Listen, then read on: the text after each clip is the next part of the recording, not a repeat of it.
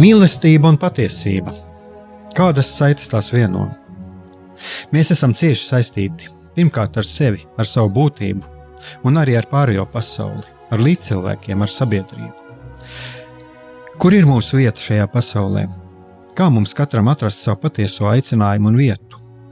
Kā sasniegt savas dzīves piepildījumu, mīlestību? Kādi šķēršļi gan mūsu sirdī un prātā sastopamie, gan ārējie aizķēso mūsu ceļu pie Dieva? Šie jautājumi ir mūsu dzīves sastāvdaļa, svarīgi mūsu ceļā uz svētumu. Meklēsim šajā raidījumā kopā atbildes uz šiem jautājumiem. Ieklausīsimies, ko Dievs mums vēlas pateikt ar visu, ko sastopam savā dzīvē. Lai mūsu sirds un prāti atveras mīlestībai un patiesībai, raidījums mīliet cits citu.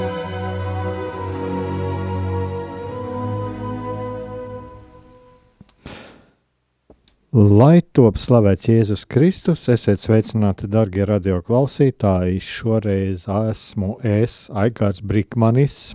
Es esmu šeit studijā. Pēc uh, kāda ilgāka laika, un šodien es atkal dalīšos pats savās pārdomās. Un šodienas manas pārdomas būs par to, vai kādas ir lūkšanas, kāda ir lūkšana kvalitāte, un vai varbūt kādas mm, stiprākas lūkšanas, vai varbūt ir kādas diētiskākas lūkšanas, un, un es pat šeit tādu sagatavoju šo tekstiņu priekšā, es pat uzliku tādu par treknām un stiprām lūkšanām. Un kas man, un kas man uz to uh, rosināja, man jau doma radās par to, nu patiesībā man ir doma bijusi par šīm lietām padalīties jau pirms ilgāka laika. Un kaut kur jau šeit ir raidījumā, un es arī citos ir eh, dzirdēts par to, ka tam nu, ir pieskārušies dažādi uh, raidījumu veidotāji un runātāji. Bet mani to uh, kaut kā īpaši pamudināja uh, viena tikšanās mūsu kristīgā dzīves kopienas grupiņā, kur mēs skatām cauri uh, Džeimsa Mārtiņa, grā, Mārtiņa grāmatu Jēzus ceļvedis gandrīz visā. Un kur uh, 148. lapas puses tieši, kur, kur Džeims Mārtiņš runā par to, uh, kur viņš raksta par to, kā tad tomēr ir, kāds ir vislabākais veids, kā lūgties. Un um, vēl vairāk mani uz to pamudināja, nu, kā jau es teicu, es jau esmu gribējis par šīm lietām padalīties jau kaut kad jau pirms kāda ilgāka laika. Mani uz to vēl pamudināja vakardiena, e, kāda tikšanās, kur e, katolis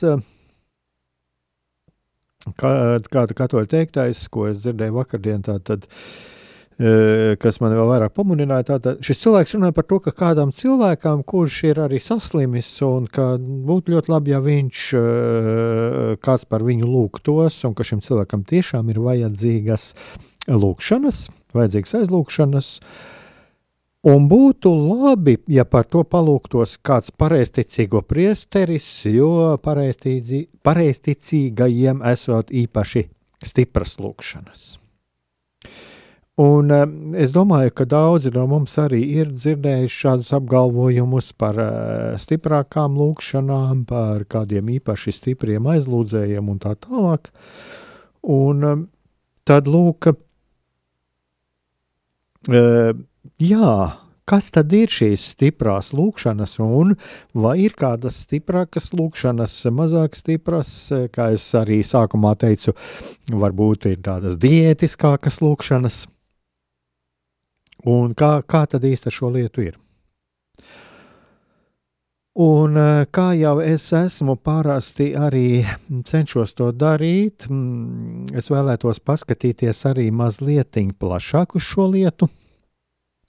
Un vienu lietu, ko mums tomēr ir jāatzīst, arī to, kas notiek baznīcā, un jā, baznīcas mēs redzam, ka baznīcas kļūst tukšākas. Baznīcas ir kļuvušas tukšākas, un, un tā ir tā lieta, par ko runā mm, vispār visā, visā rietumu pasaulē. Un, Mēs arī tagad zinām, ka no Latvijas arī aiziet projām šeit pat netālu dzīvojušās Betānijas māsas. Un, jā, tā ir lieta, ar kuru mēs saskaramies. Bet ir svarīgi arī uzdot šo jautājumu, kāpēc šīs baznīcas kļūst tukšākas. Un katru reizi es domāju, ka tas uz to ir svarīgi paskatīties. Un svarīgi paskatīties tād no tādas plašākas skatu punkta, tā tad ir šie objektīvi apstākļi un šie subjektīvi apstākļi. Šie apstākļi, kuri, jā, ir kaut kādi apstākļi, kurus mēs uh, nevaram ietekmēt, kas ir atkarīgs no apkārt esošo cilvēku gribas, vai viņi grib ieklausīties, ko, ko runā baznīca, vai viņi grib ieklausīties, ko mēs kā kristieši viņiem runājam par baznīcu, par, par Dievu, par, par mūsu, mūsu ticības dzīves pieredzi. Tie ir tie apstākļi, kuri mums ir jāņem vērā, un jāņem vērā ir arī to, ka nu, nevienmēr cilvēki mūs uzklausīs. Un otra puse ir arī tas, ko mēs esam darījuši kā kristieši, uh, un uh, varbūt mēs esam kaut kādā ziņā arī kādu ieļaunojuši un kaut ko izdarījuši tādu, ka šis cilvēks negrib nākt šajā baznīcā, un viņš aiziet no baznīcas. Tātad, lūk, šie objektīvi un subjektīvi apstākļi, uz kuriem ir vērts paskatīties. Un, protams, mēs zinām arī dažādus skandālus un, un, un visas tās lietas, kas ir bijušas, bet es tagad negribu tik daudz par to runāt bet es vairāk gribu runāt tieši par vēl kaut kādu, uh, kaut kādu aspektu, kam jāpievērš uzmanību. Tas ir, un kas varētu būt saistīts arī ar to, kāpēc baznīcas kļūst tukšākas, tas varētu būt saistīts ar to, bet ko es meklēju baznīcā. Kas ir tas, ko es meklēju baznīcā? Un tad mēs arī varbūt daļēji, daļēji varam atrast eh, šo atbildi uz jautājumu, kāpēc varbūt es baznīcā nejūtos tik labi. Un atkal izslēgsim visas lietas, kas notiek, eh, kas, eh, kas tiešām var būt ieļaunojošas, un jāsaprot, ka tas notiek arī ne tikai baznīcā, bet um, dažādas uh, pārkāpumi un skandāli notiek um, visās sabiedrības uh, slāņos. Uh, Bet izslēgsim tagad šo, izteiksim varbūt arī tos mūsu attiecības ar cilvēkiem, bet e, padomāsim par to, kādas ir mūsu attiecības ar Dievu. Un varbūt arī tas ir tas iemesls, e, mūsu attiecību kvalitāte ar Dievu, varbūt arī tas ir tas iemesls, kāpēc no, ir nonākts līdz tādam situācijai, ka kādai baznīcas institūcijai ir vienkārši ir um, jāsamazina. Jāsamazina savu saimniecību, jo lūk, uh, nav šo cilvēku, nav šo cilvēku, kas to varētu piepildīt. Nav šo cilvēku, kas palīdzētu to uzturēt. Nu, lūk, un tātad šis jautājums. Uh, šis jautājums par to, ko es meklēju baznīcā. Un varbūt šis ir tas iemesls arī tai krīzei, ko, ko mēs varam piedzīvot. Ko es meklēju? Ar ko es esmu aizrāvies baznīcā? Varbūt es meklēju draudzību, cilvēcisko draudzību, un tas pats par sevi ļoti labi. Mēs esam aicināti būt sadraudzīgi savā starpā, būt eh, šajā sadraudzībā, dalīties savstarpējā mīlestībā, savā uh, lūgties cits par citu, dalīties savā pieredzē. Bet arī tas nav gluži tas, ko, par ko es eh, šobrīd gribu runāt. Ko mēs vēl meklējam? Protams, Dievs uzrunā mūs caur cilvēkiem baznīcā. Bet vai mēs neesam piedzīvojuši uz um, kaut ko tādu savā dzīvē, un iespējams, ka mēs katrs vairāk vai mazāk esam piedzīvojuši, ka mēs varbūt esam arī meklējuši kaut kādus iluzorus mierinājumus. Varbūt mēs esam meklējuši, meklējuši kaut kādu īslaicīgu iepriecinājumu kaut kādu izlaicīgu prieku. Taču šis prieks un šis mierinājums neko nedod mūsu garīgajā dzīvē. Varbūt mēs no Dieva esam kaut ko gaidījuši.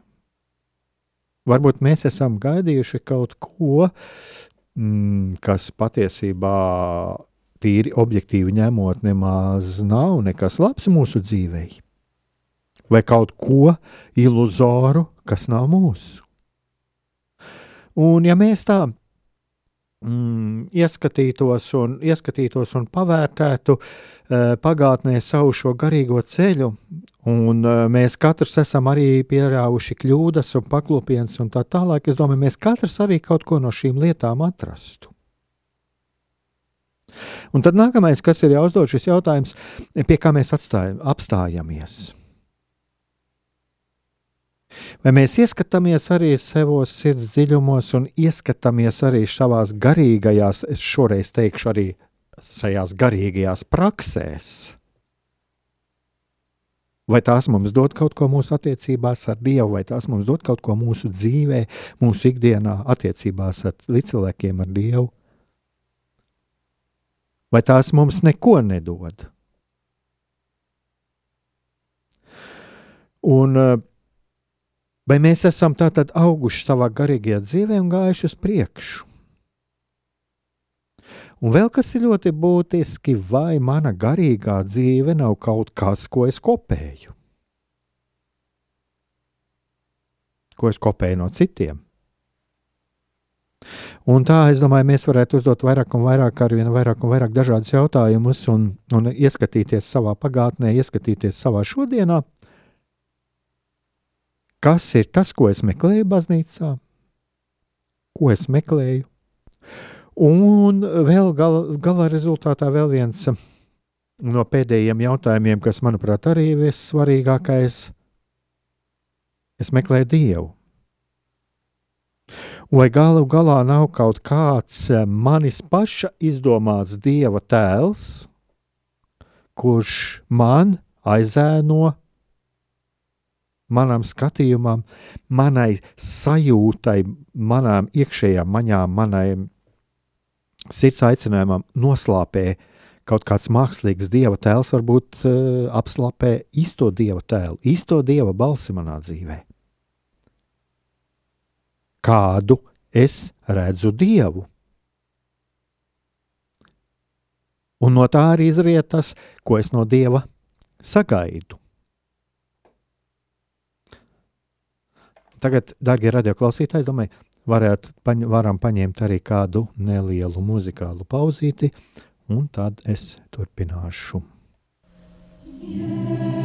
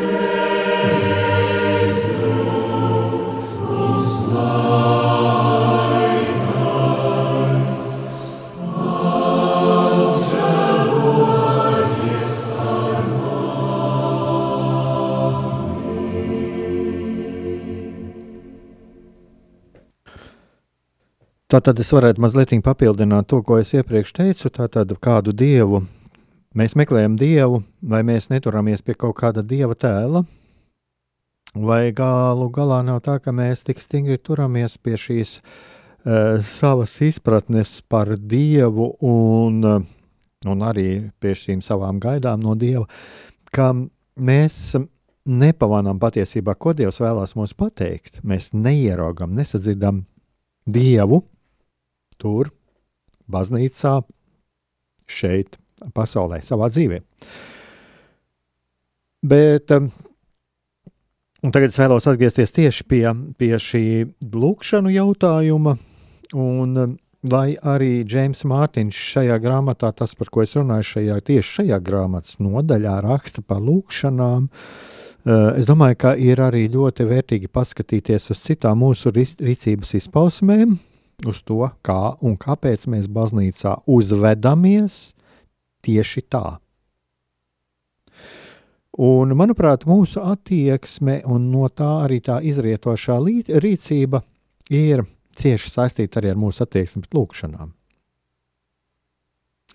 Un eh, šeit nav tik daudz um, runa par rīcību, tātad par kaut kādām darbībām, baznīcā, mises laikā, par kustībām, pozām un, un, un tam, vai tas atbilst vai neatbilst liturģiskajai kārtībai, bet gan par kaut ko citu. Mm, šeit ir runa vairāk tas, par ko es eh, gribu runāt, tas ir vairāk par to, vai mēs nepievēr, nepiedēvējam rituālam pašam par sevi kaut kādas maģiskas spējas. Mēs nedomājam par kaut kādu mm, rituāla spēku, kuram vēlamies ticēt.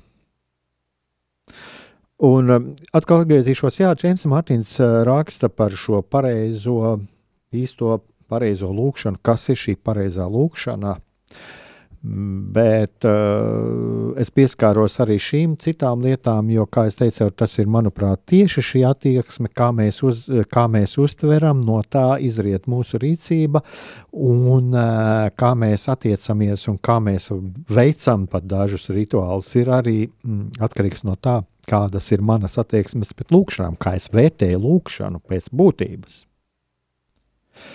Eh, Džeimsa Mārtiņa grāmatā šajā jēzuītu ceļvedī, protams, ir aprakstīti visi šie garīgās dzīves aspekti un kā mēs satiekam Dievu savā dzīvē un tā tālāk. Ja.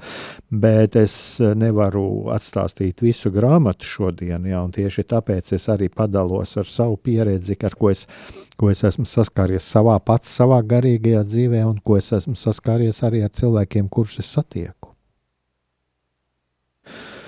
Un, jā, tā tad jā, tātad daudzas lietas arī mēs varam redzēt, ko, kā mēs uzvedamies un kādu mēs pievēršam uzmanību tātad kaut kādiem rituāliem un tā tālāk. Tas arī daudz ko raksturo mūsu, mūsu attieksmi. Rak, tas daudz ir saistīts ar mūsu attieksmi pret lūkšanu. Un es to e, vairāk nosauktu pat to, ka mēs saskaramies ar kaut kādu savā ziņā kristīgi iekrāsotu maņķecību ar kaut kādu maģisko domāšanu, ar ko mēs sas, sastopamies bieži vien ikdienā, un ar ko mēs sastopamies arī baznīcā. Un pēc būtības tas nav nekas jauns. Um, Memory Water arī nav nekas jauns.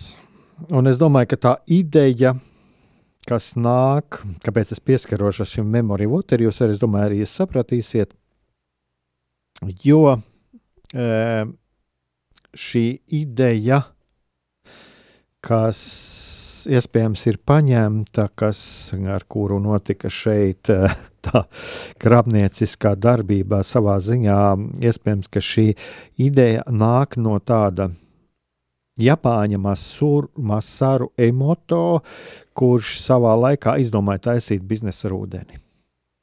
Un kāpēc es runāju par to tagad šeit, radio, un šķietami, nu, kāda mums darīšana ar kādu blēdi šeit Latvijā, kurš, nu, vismaz viņš nav sevi sauc par kristieti un, un ar kaut kādu Japāni.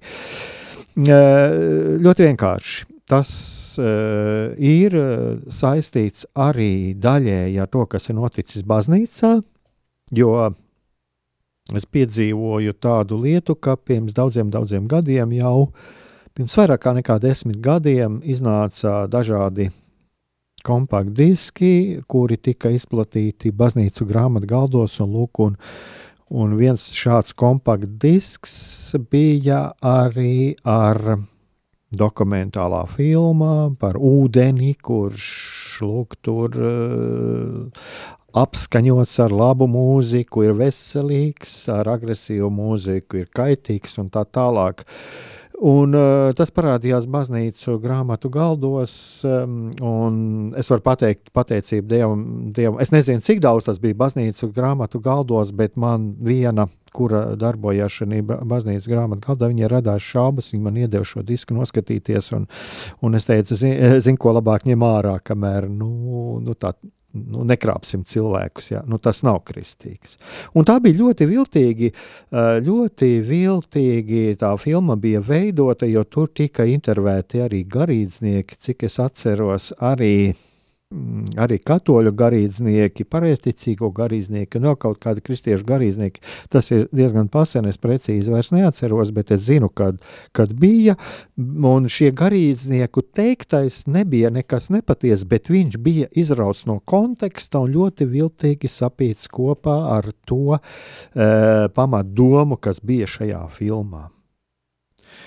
Un kaut kādā ziņā tas bija skāris jau veselu kristiešu sabiedrību, un man nācās arī vienā katoļu pasākumā pat strīdēties ar cilvēkiem, kuri, kuri aizstāvēja šo ideju par, par to ūdens kaut kādām brīnumainām īpašībām, kas, kas nevis šīs fiziskās īpašības, jā, bet par šo mistiku, ja, kad tur ir ūdens aizlūgts vai ūdens atskaņots ar kaut ko labu, ka viņš ir kaut kāds dziedinošs. Un, un jāsaka, tā man bija diezgan asa vārdu pārmaiņa, ja jo šiem cilvēkiem vienkārši nespēja pieņemt to. Ja.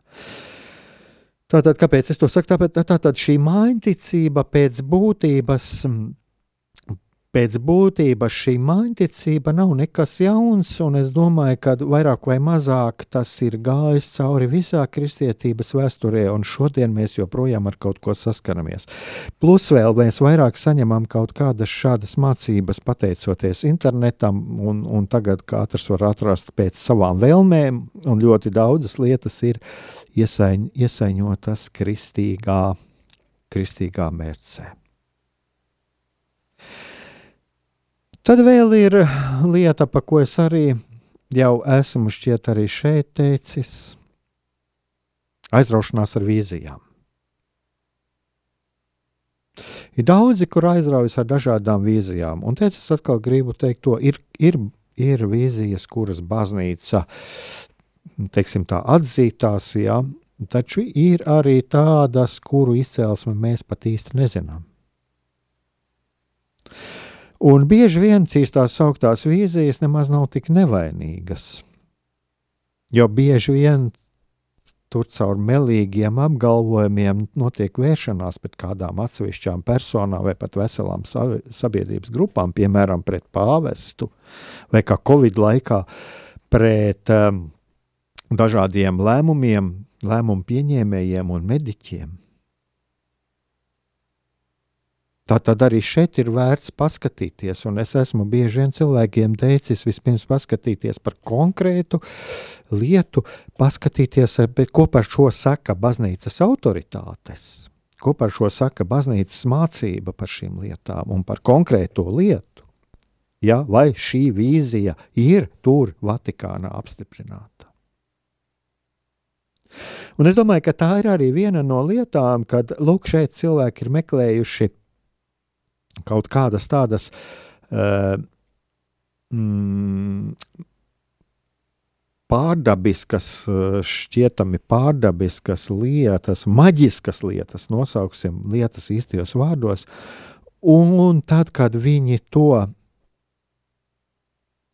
piedzīvo, ka baznīcas autoritātes uz šo lietu skatās šaubīgi, vai, vai vispār pasaka, ka tie ir meli, uh, cilvēki jutās vīlušies. Un man ir bijusi pieredze, ka tiešām cilvēks dusmojas piemēram par to, ka es atsevišķām vīzijām es esmu pateicis, nu, ziniet, vai jums ir vajadzīgs paskatīties, ko par to saka baznīcas autoritātes, vai tas tur ir no, no Romas atzīts. Un cilvēki ir aizgājuši no baznīcas, vai vismaz attālinājušies. Tā tad, lūk, uh, tā ir arī viena no lietām, un es domāju, kas arī kas ir ļoti, ļoti cieši saistīta arī ar to, kā mēs attiecamies pret lūkšanām. Un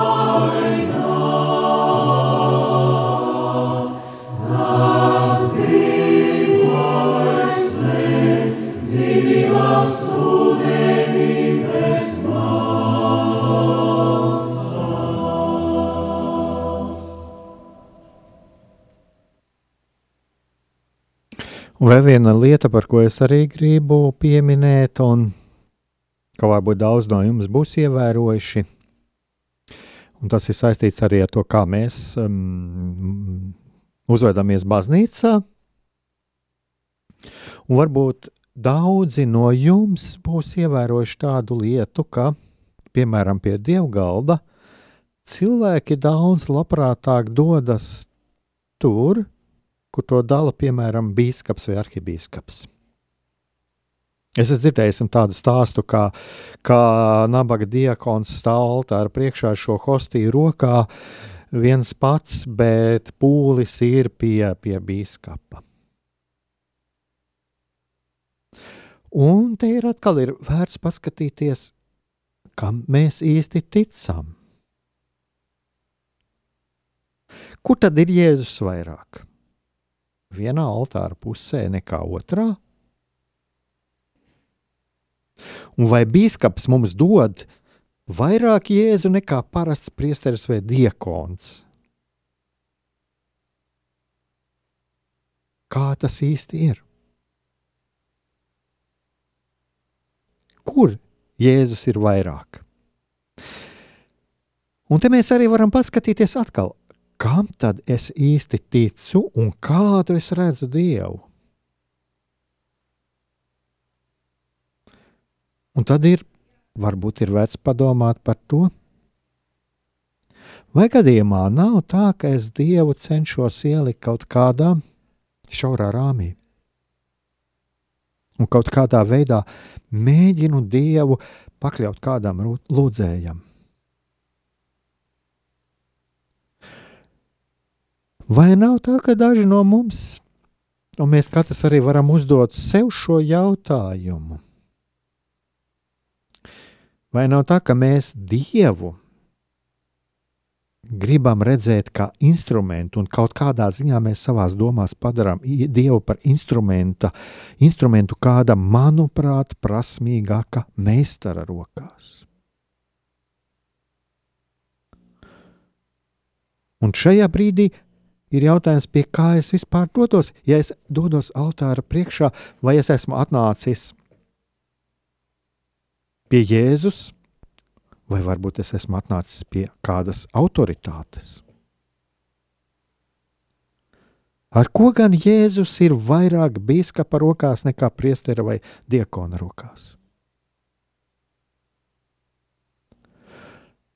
Un, ja mēs domājam par lūkšanām, spēcīgi aizlūdzēji, spēcīgas lūkšanas. Un es esmu dzirdējis tādus teicienus, tas ir ļoti spēcīgs aizlūdzējs. Vai tā kā šis vakardienas mans piemērs, pareizticīgo baķuškam ir īpaši stipras lūkšanas. Tad kāda ir mana attieksme pret Dievu? Es to sauktu tomēr par tādu kā dieva instrumentalizēšanu, dievu padarīt par instrumentu. Tādā gadījumā vai dievs man nav tikai instruments, kur es gribu ielikt kāda, manuprāt, prasmīgāka meistara rokās. Un uh, Jā, ir tīri cilvēcīgi, un mums tīri cilvēcīgi reizēm ir grūti nodalīt šo laicīgo profesionalitāti no garīgas profesionalitātes, ko es lieku pēdiņās attiecībā uz garīgumu. Jā, ir labi, ja es dodos pie ārsta, es dodos pie kāda meistara. Es zinu, viņa profesionalitāte ir, viņš ir apguvis kaut kādu profesiju. Un kaut kādā ziņā arī baznīcā ir teoloģiski jautājumi, kur es došos, es zināšu, es zināšu, ka lūk, šis cilvēks ir apguvis teoloģiskas zinības, un viņš man varēs kaut kādu sarežģītu teoloģisku lietu izskaidrot. Tas ir ļoti labi. Un ir labi, tas ir tas pats, ko es teicu arī pirms brīža, ka ir ļoti labi paskatīties, ja mēs esam katoļi, ir ļoti labi paskatīties, ko par šo lietu saka baznīca. Jo šajā ziņā, jā, ir šie profesionāļi, kas ir at attiecīgi iegūši izglītību un savu kvalifikāciju, tāpat kā šie garīdznieki, kas sniedz mums šos sakramentus. Tas ir vajadzīgs. Tas ir ļoti mums ir vajadzīgs, lai mēs nenomaldītos, jo mēs savā izpratnē un zināšanās esam, mm, kā nu mums ir, mēs esam ierobežoti. Bet pavisam cita lieta ir tas, ko mēs runājām par dieva satikšanu, par lūkšanām. Tur ir jau profesionalitāti, ko es lieku pēdiņās, kas prasa pavisam citas kvalitātes. Un te es varu atkal atgādināt, vēlreiz gribu atgādināt, te ir tā lieta, kā mums cilvēcīgi, un tas ir tīri cilvēcīgi, jā, ka mums ir reizēm grūti, jo mēs esam, mūsu, mūsu domāšana, esot uh, pasaulē, ir tā iegrozīta, jā, un kad mums ir reizēm ļoti grūti nodalīt šo laicīgo profesionalitāti no tā, ko mēs spēļņās atkal lieku garīgā profesionalitāte. Un tur bieži vien ir arī tas, ka mēs raugāmies uz, uz cilvēka. Mūs ietekmē tas, ka mēs arī bieži vien raugāmies uz statusu sabiedrībā, uz attiecīgās personas, uz cilvēka statusu sabiedrībā, uz viņa ieņemamo posteni. Taču tur ir kāda problēma, ar ko mums jābūt ļoti uzmanīgiem. Aiz šī ārējā statusa un ārējā veidola mēs neieraugām cilvēku, mēs neieraugām dzīvu cilvēku. Un baznīcā un mūsu mm, garīgajā dzīvē mēs varam neieraudzīt cilvēku kā instrumentu dieva rokās. Kā šī māte Terēze teica, es esmu zīmolis dieva rokās. Mēs neieraugām cilvēku kā instrumentu dieva rokās, kā to, caur kuru dievs darbojas uz mums. Pilnīgi neatkarīgi no šī cilvēka statusa. Dievs darbojas pilnīgi neatkarīgi no tā, vai cilvēks ir pāvests, biskups, priesteris, diakons vai lais. Tas ir Dieva rokās. Cilvēks ir tas, kas ir Dieva rokās, ar kuru Dievs darbojas, nevis otrādi. Dievs nav instruments cilvēka rokās.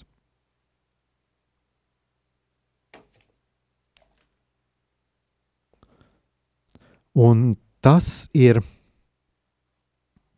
tas, uz ko mēs bieži vien varam apmaldīties. Ka mēs ieraugam kaut kādu statusu un uzkraujam bieži vien cilvēkam atbilstoši viņa statusam nevajadzīgu pat nastu. Bet nē, vēlreiz vēlos atgādināt to, ka cilvēks ir tas, caur kuru darbojas Dievs, un Dievs darbojas brīvi, darbojas uz mums, neatkarīgi no tā, kāds ir šī cilvēka status baznīcā vai sabiedrībā. Un Dievs nav instruments Dieva rokās. Dievs nav instruments uh, kāda aizlūdzēja vai kāda garīdznieka rokās. Un šeit es gribu atgādināt kādu stāstu, ko es esmu dzirdējis jau pirms daudziem gadiem, bet ko ir vērts, vērts jūtu, ka to ir vērts pastāstīt. Tas ir stāsts par svēto Francisku, tātad par Asīzes Francisku, Ir tāda leģenda, kuru es dzirdēju pirms vairākiem gadiem, kur Asīzes Franciskam kādā vietā viņš apmeklēja kādu pilsētiņu vai kādu ciemu, un viņam sūdzējās um, pār kādu priesteri šīs vietiņas iedzīvotāji. Ka lūk, šis priesteris esot tāds, kuram piemīto, piemītot visi grēki, un kā mūsu laikos teiktu, noraka to priesteri līdz ar zemi. Un mēs nezinām, kā īsti tur bija. Un mēs nezinām, vai arī cik šis stāsts ir patiesa, bet tur ir viena ļoti dziļa patiesa doma iekšā. Un stāsts par Asīzes Francisku ir tāds, ka Lūks viņam stāsta par šo grēcīgo priesteri, un Asīzes Francisks esot šī priestera rokās, šie Asīzes Francisks esot nokritis šī priestera priekšā ceļos un noskūpstījis viņa rokas un pateicis, lūk, šīs ir rokas, kas katru dienu tura rokā Jēzu. Un kas ir šeit šajā stāstā ir pats būtiskākais, manuprāt, un kāpēc ir vērts ieklausīties tajā, ka Dievs var darboties caur to, kas mūsu racionāliem, racionalizācijas, racionālās domas pārņemtajam un bieži vien maldīgu vērtējumu pārņemtajam prātām reizēm mums tas šķiet nederīgs. Dievs caur to var darboties. Dievs var darboties caur to, kas mūsu prātam šķiet nederīgs. Un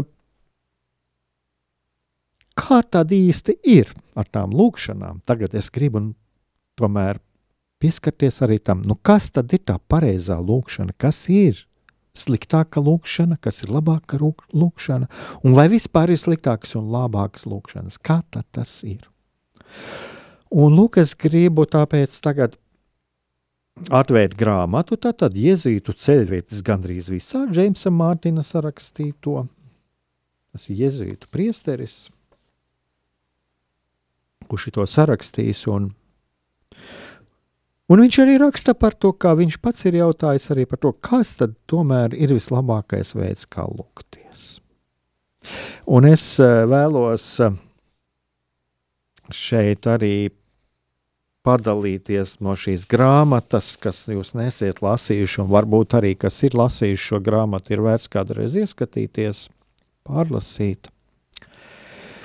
Un šeit ir piemērs, ko uh, viņš ir dzirdējis, pats Džeims Mārtiņš ir dzirdējis no kāda Deivida, kāda pieredzējuša priestera, kurš uh, raksta par, savas, par savu māti kā šis priesteris, šis Dēvids, kurš, starp citu, arī atgriezies no garīgā vadītāja, no, atgriezies no garīgā vadītāja pienākumu pildīšanas kādā prestižā seminārā, apmeklējis savu māti. Un, lūk, es uh, varu nolasīt arī šeit citāts no tā, ko rakstā Džeims Mārtiņš. Saskaņā ar garīgā vadītāja darbā gūto pieredzi Davidam šķita, Ah, es vēl varu atgādināt arī to, ka viņa mātei, šim Davida mātei, ļoti, ļoti to bija rožu kroņa lūkšana. Un, lūk, un tagad, uh, ko raksta Džeims Mārtiņš, saskaņā ar garīgā vadītāja darbā gūto pieredzi, Davidam šķita, ka šī vienkāršā iespēja lūgties, ko izmantoja viņa māte, bija tā sakot, pārāk vienkārša. Un viņš savai mātei nolēma iemācīt kaut ko, viņa vārdiem runājot, īstu lūgšanu. Eh, ko es šeit arī tādu aicinātu, kam būtu vērts pievērst uzmanību? Cilvēks ļoti, nu, ļoti pieredzējis un pieredzējis savā garīgajā ceļā, jo garīgais vadītājs ir tas, kuram ir jau kaut kāda garīgā pieredze, savas garīgās dzīves pieredze. Turklāt izglītots, teoloģiski izglītots. Un viņš ir ieradies tā, tagad glābt, glābt savu mammu un iemācīs tiešām īstu, īstu lūkšanu, pareizu lūkšanu. Un lūk, ko raksta Džeims Mārtiņš, atstāstot to, ko pieredzējis šis Deivids, šis pieredzējušais priesteris. Viņš tā tad satiek savu māmu un jautā, kāpēc tu skaiti rožu kroni? Viņš jautāja. Deivid, es vienmēr esmu skaitījusi rožu kroni, viņa atbildēja. Bet kāpēc? Nu, tas mani iepriecina, viņa teica. Jūtot, ka tā neko nepanāks, Deivids nolēma izpētīt savas mātes ierobežoto lūkšanas pieredzi un iemācīt viņai labāku pēdiņās veidu, kā lūgties. Tāpēc viņš jautāja, Kas tāda notiek, kad tu skaiti rožu kroni? Nu, es nomierinos, viņa atbildēja. Un tad es raugos uz Dievu, un Dievs raugās uz mani. Tas mani izsita no sliedēm. Dēvids smejoties, pabeidza savu stāstu. Viņš redzēja, ka ir nopietni kļūdījies, pārsteidzīgi spriežot par savas mātes garīgo pieredzi. Kurš gan zina, kas notiek otrā cilvēkā? Un viņš atzina, cik riskanti ir vienas attiecības ar Dievu vērtēt augstāk par kādām citām. Un vēl šeit turpinājumā arī citāts no Džeimsa Mārtiņa grāmatas. Kā rakstīs Svētais Ignācijas? ir bīstami likt visiem iet pa vienu un to pašu ceļu. Un tādā atkal Džeims Mārtiņš atsaucas uz to pašu Deividu. Deivids saprata vēl kaut ko citu. Kaut arī es biju izglītots, viņai droši vien bija dziļākas attiecības ar Dievu nekā tās bija man.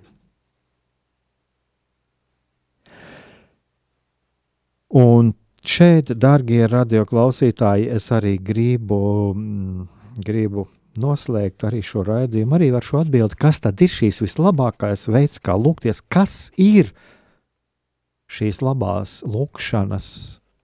Un jūs varat katrs savā sirdī ieklausīties un, un arī atceroties to, par ko es šodien runāju šajā raidījumā, padomāt, Vai tiešām ir tā, ka viena lūkšana ir labāka par citu? Vai varbūt tomēr lūkšanas ir labas? Visas. Un Te es uh, gribu arī noslēgt to, ko raksta pats Džeims Mārtiņš, atcaucoties uz to, ka viņam arī šis pats Dēvids teica. Un sagādināšu arī tiem, varbūt, kas mazāk zina, arī Džeims Mārtiņš ir iezīmējis priesteris arī ar savu pieredzi. Bet uh, Džeims Mārtiņš raksta, tagad es atkal vēlos citēt. Tātad citāts no viņa grāmatas. Kāds tad tomēr ir vislabākais veids, kā lūgties? Atbilde skan: Vislabākais lūkšanas veids ir tas, kas tev šķiet piemērots. Neviena lūkšanas forma nav labāka par kādu citu. Tāpat kā neviens veids, kā pavadīt laiku kopā ar draugu, nav labāks par kādu citu. Labāks ir tas, kas tev liekas labāks. Un arī ar to es, darbie radioklausītāji, vēlos noslēgt šodien šo raidījumu. Un lai mums katram izdodas atrast izdzīvot kopā ar Dievu, sadraudzībā ar Dievu, to lūkšanas veidu, kas mums katram šķiet vislabākais. Tas tad arī ir tas pareizais lūkšanas veids katram, lai mums izdodas.